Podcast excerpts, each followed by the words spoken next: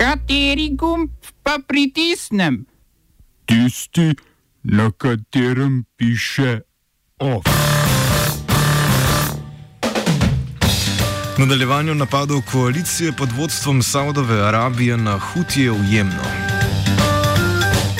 Pita v zameno za trajno prepoved festivala Bikov Pamploni ponudila četrt milijona evrov. Ministrstvo za zunanje zadeve Bosne in Hercegovine sestavilo seznam migrantov za deportacijo. Tarča na počivalšku. V kulturnih novicah pa muzeji v času koronavirusa.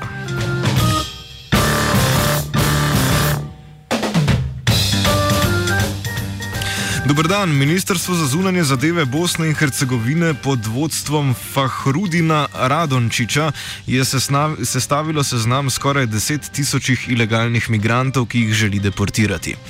Minister je v obrazložitvi dejal, da število migrantov v Bosni in Hercegovini predstavlja tako varnostni kot ekonomski problem, saj se Bosna in Hercegovina že tako sooča z visoko stopnjo brezposelnosti. Za kritje stroškov deportacije je zaprosil izvorne države, prav tako pa bi stroške letov kril iz sredstev, ki jih je Evropska unija namenila za zadrževanje migrantov v državi.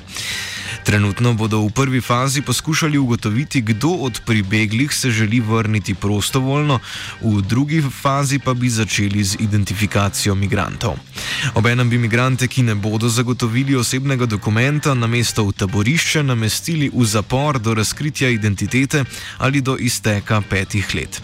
Podobno počne tudi slovenska vlada, ki je sistematično kratila pravico do azilnega postopka ter migrante vračala na Hrvaško.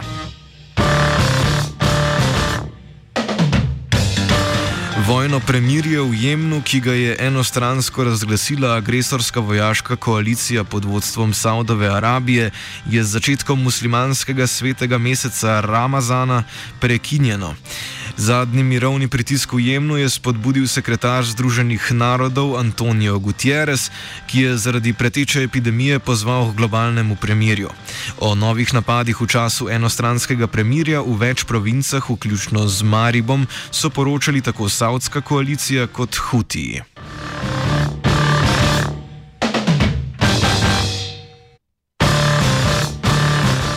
Organizacija PITA, ki skrbi za etično ravnanje z živalmi, je španski Pamploni ponudila 250 tisoč evrov v zameno za trajno prepoved festivala svetega Fermina.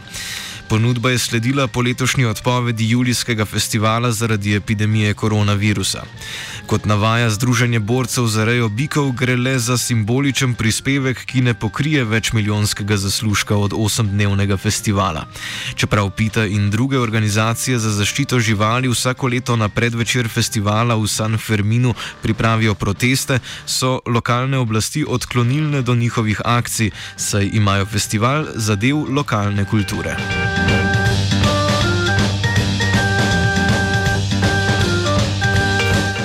Aslan Bžanja je prisegel kot novi formalni predsednik Abhazije, ki jo priznavajo le Rusija, Nikaragva, Venezuela, Nauru in še dve praviloma nepriznani republiki Južna Osetija in Transnistirija oziroma Transnistrija, se upravičujem. Ostale države se strinjajo, da gre le za del Gruzije. Bžanja je bil pred mesecem dni izvoljen za petletni mandat, potem ko je tamkajšnje ustavno sodišče separatistične pokrajine pretekle volitve, na katerih je bil izvoljen Raul Hadžimba, spoznalo za protiustavne. Abhazija je sicer neodvisnost od nekdanje Sovjetske republike Gruzije razglasila leta 1992, Rusija in ostale države pa so jo kot državo pripoznale po rusko-gruzijski vojni leta 2008.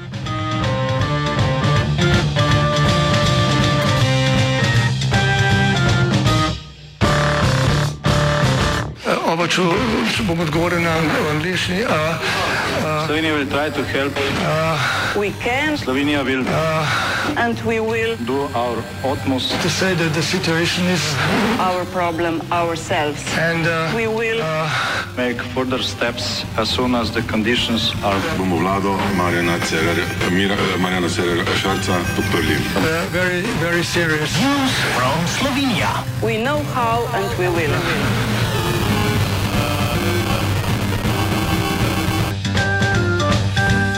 Skupnost socialnih zavodov Slovenije je zaposlene v domovih za starejše in zavodih za odrasle s posebnimi potrebami pozvala k mirnemu protestu.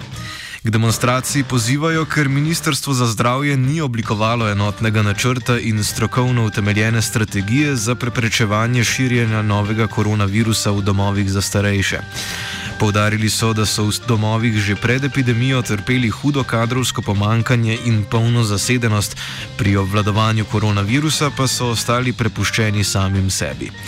Razloge za protest in njegovo izvedbo opiše Denis Sahrnik, vršilec dolžnosti sekretarja Skupnosti socialnih zavodov. Za izraz našega nestrinjanja s stanjem skrbi za starejše smo se odločili, ker nam je preprosto dovolj samovolje Ministrstva za zdravje, neustreznih in nedoslednih navodil ter sistemske diskriminacije naših stanovalcev. Kapla čez rob pa je včeraj prejeta informacija, da Ministrstvo za zdravje pripravlja odlog, s katerim se bo torej domov na silo zahtevalo, da upoštevajo vsa ta navodila in ukrepe, in to kljub temu, da skupnost v imenu svojih članov nenehno opozarja, da nekaterih ukrepov domovi preprosto ne morejo izvajati na način, da se zagotovi zahtevana stopna varnosti zdravja tako stanovalcev kot zaposlenih. Domovi ne dovolimo, da se izniči ves razvoj institucionalnega varstva starejših v Sloveniji, za katerega smo si prizadevali v zadnjih nekaj letih, ter ne dovolimo, da se domove v bistvu pod krinko boja proti virusu preoblikuje v poceni negovalne bolnišnice. Skratka, nedopustno je, da se o domovih in o stanovalcih odloča brez in mimo njih, in to želimo odločevalcem danes mirno, a vendar jasno in odločno povedati. Znanstvena redakcija sporoča: Včeraj je objavljeno deveto poročilo o ocenah tveganja za COVID-19, ki ga pripravlja ECDC ali Evropski center za preprečevanje in obvladovanje bolezni. Pravi, da se je v zadnjih dveh tednih razširjenost okužb z novim koronavirusom v evropskih državah zmanjšala za 18 odstotkov. Poročilo o oceni tveganja pa je posebej relevantno za slovenske razmere, saj se dotakne tudi nadzora okužb v domovih za starejše občane, ki so bili v številnih državah virusu še posebej izpostavljeni. V ponedeljek je Ministrstvo za zdravje sprejelo ukrep o začasni naselitvi 40 oskrbovancev doma starejših občanov Ljutomer, ki za zdaj ne kažejo simptomov, v splošno bolnišnico Ptuj z razlago, da je to potrebno zaradi ločitve okuženih od neokuženih in razkuževanja prostorov. Iz doma poročajo o 113 okuženih, od tega je 83 stanovalcev. Vodstvo Ptujske bolnišnice in tamkajšnji zdravstveni delavci so odločitev slabo sprejeli, vendar so po pritisku javnosti in vlade nam pristali. Temu pa je sledil užaljen odziv ministra za zdravje Tomaža Gantarja, ki je prekinil komunikacijo in domu za starejše občane dodelil dodatno zdravstveno pomoč. Po napotkih omenjenega poročila ECDC je zgodnja ločitev in izolacija okuženih v domovih ključna. Prav tako pa predlagajo vzpostavitev sistema testiranja za spremljanje poteka okužb ter preprečitev, preprečitev vnosa okužbe v zunanje okolje in iz njega. Slovenski medijski in twitteraški histeriji na vkljub pa tako poročilo povdarja, da vsaka nepotrebna premestitev okuženih poveča tveganje za novo razširitev okužbe.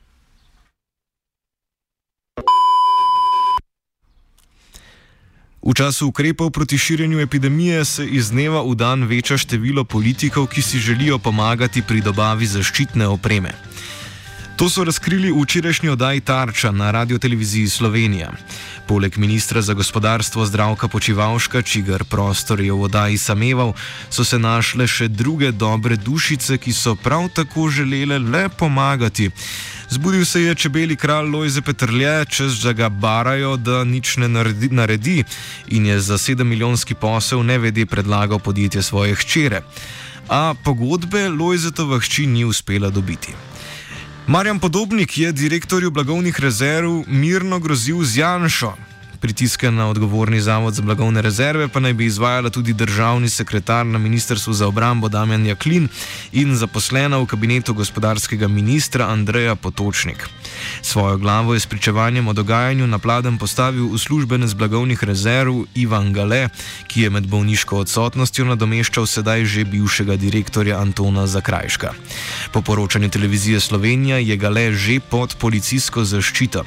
Večna luč naj mu sveti. Odbor državnega zbora za finance bo predstavil drugi svežen ukrepov namenjenih blaženju posledic epidemije novega koronavirusa. Predlog zakona predvideva oblikovanje jamstvene scheme za podjetja v vrednosti 2 milijard evrov. Za manjša in srednja podjetja nudi tudi jamstvo posojil v višini 80, pri veliki podje velikih podjetjih pa v višini 70 odstotkov glavnice. Vlada v državni zbor pošilja tudi popravke prvega svežnja ukrepov, pri čemer želi razširiti upravičenost do enkratnega solidarnostnega dodatka tudi za prejemnike starševskega dodatka, rejnike in izredne študente. Sliši se lepo. A slišali smo že kaj lepšega. Podrobneje o protikoronskem paketu 2.0 in njegovih spornejših členih v kultivatorju ob petih.